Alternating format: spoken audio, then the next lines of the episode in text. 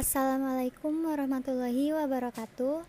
Kami dari kelompok 7 yang beranggotakan Amelia, Banita, Rihieta, Syifa Aulia, Nova, dan Novianisha.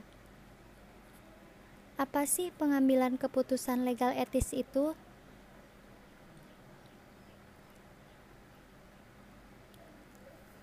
Etika keperawatan atau nursing etik merupakan bentuk ekspresi bagaimana perawat seharusnya mengatur diri sendiri dan etika keperawatan diatur dalam kode etik keperawatan. Etika memberi keputusan tentang tindakan yang diharapkan benar, tepat, atau bermoral, terlebih dalam profesi keperawatan. Etik ialah prinsip atau standar yang dilakukan mengharuskan suatu tindakan dilakukan dengan tepat.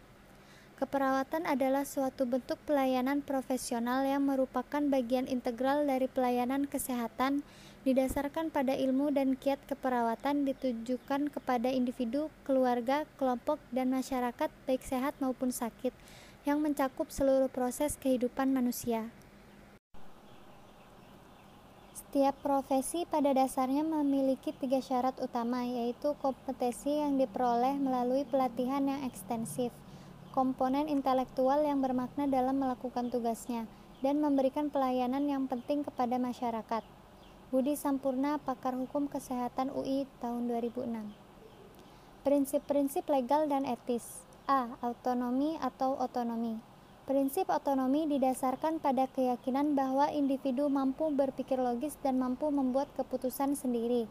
Praktek profesional merefleksikan otonomi saat perawat menghargai hak-hak klien dalam membuat keputusan tentang perawatan dirinya. B. Beneficence atau berbuat baik. Beneficence berarti hanya melakukan sesuatu yang baik. Terkadang dalam situasi pelayanan kesehatan terjadi konflik antara prinsip ini dengan otonomi. C. Justice atau keadilan. Prinsip keadilan dibutuhkan untuk tercapai yang sama dan adil terhadap orang lain yang menunjung prinsip-prinsip moral, legal, dan kemanusiaan. Normal, efisiens atau tidak merugikan. Prinsip ini berarti tidak menimbulkan bahaya atau cedera fisik dan psikologis klien. E. Veracity atau kejujuran. Prinsip ini berhubungan dengan kemampuan seseorang untuk mengatakan kebenaran. F. Fidelity atau menepati janji. Prinsip ini dibutuhkan individu untuk menghargai janji dan komitmennya terhadap orang lain.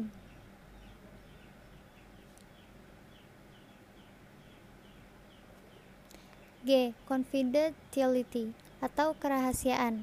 Aturan dalam prinsip kerahasiaan adalah informasi tentang klien harus dijaga privasi klien. H. Accountability atau akuntabilitas. Akuntabilitas merupakan standar yang pasti bahwa tindakan seorang profesional dapat dinilai dalam situasi yang tidak jelas atau tanpa terkecuali.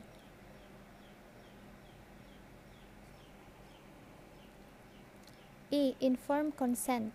Inform yang berarti telah mendapat penjelasan tentang keterangan atau informasi dan consent yang berarti persetujuan atau memberi izin. Informed consent dapat didefinisikan sebagai persetujuan yang diberikan oleh pasien dan atau keluarganya atas dasar penjelasan mengenai tindakan medis yang akan dilakukan terhadap dirinya serta resiko yang berkaitan dengannya.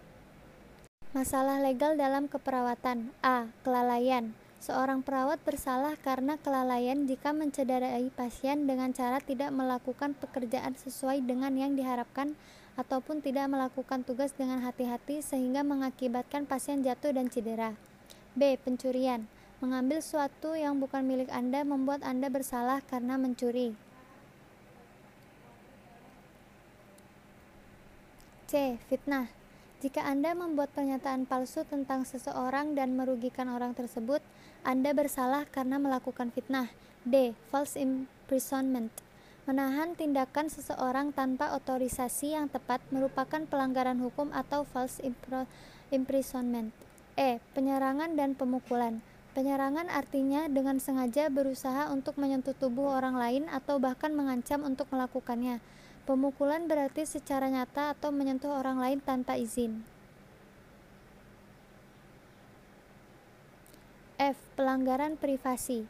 Pasien mempunyai hak atas kerahasiaan dirinya dan urusan pribadinya. G. Penganiayaan. Menganiaya pasien melanggar prinsip-prinsip etik dan membuat Anda terikat secara hukum untuk menanggung tuntutan hukum. Tetapi hampir semua penganiayaan berawal dari perasaan frustasi dan kelelahan dan sebagai seorang perawat perlu menjaga keamanan dan keselamatan pasiennya. Landasan aspek legal keperawatan Landasan aspek legal keperawatan adalah Undang-Undang Keperawatan Aspek legal keperawatan pada kewenangan formalnya adalah izin yang memberikan kewenangan kepada penerimanya untuk melakukan praktik profesi perawat yaitu surat izin kerja atau SIK bila bekerja di dalam suatu institusi dan surat izin praktik perawat atau SPPP bila bekerja secara perorangan atau berkelompok. Kewenangan itu hanya diberikan kepada mereka yang tidak memiliki kemampuan. Aspek legal dalam keperawatan. Hukum mengatur perilaku hubungan antar manusia sebagai hukum yang melahirkan hak dan kewajiban. Dalam kehidupan manusia, baik secara perorangan maupun berkelompok, hukum mengatur perilaku hubungan baik antara manusia yang satu dengan yang lain, antar kelompok manusia maupun antara manusia dengan kelompok manusia.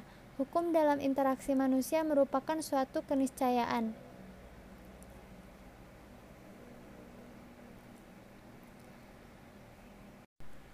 Berdasarkan Undang-Undang Kesehatan yang diturunkan dalam Kemenkes 1239 dan Permenkes nomor HK.02.02 strip Menkes strip 148 strip 1 strip 2010 terdapat beberapa hal yang berhubungan dengan kegiatan keperawatan. Adapun kegiatan yang secara langsung dapat berhubungan dengan aspek legalisasi keperawatan. A. Proses keperawatan. B. Tindakan keperawatan. C. Informed consent.